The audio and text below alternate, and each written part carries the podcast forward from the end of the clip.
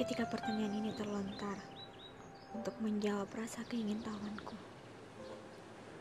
Pada saat itu, aku duduk bersama ayah, menyaksikan perahu yang ada di tengah laut itu, dengan senja yang akan tenggelam sering berjalannya perahu itu.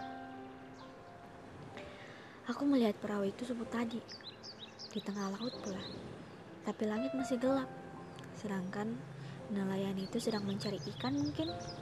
Memangnya nelayan itu bisa melihat kalau gelap subuh tadi? Tanya aku. Dasarnya memang aku ingin tahu sesuatu yang tidak harus kutanyakan. Ayahku menatapku. Ia tersenyum.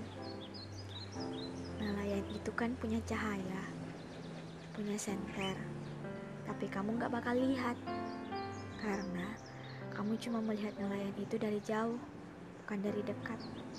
Coba kamu yang ada di posisi nelayan itu Pasti kamu juga bakal lihat laut itu, katanya Anteng. Tapi nak, nelayan itu sederhana. Tengah malam mungkin orang pada umumnya lebih baik tidur dibandingkan mencari uang.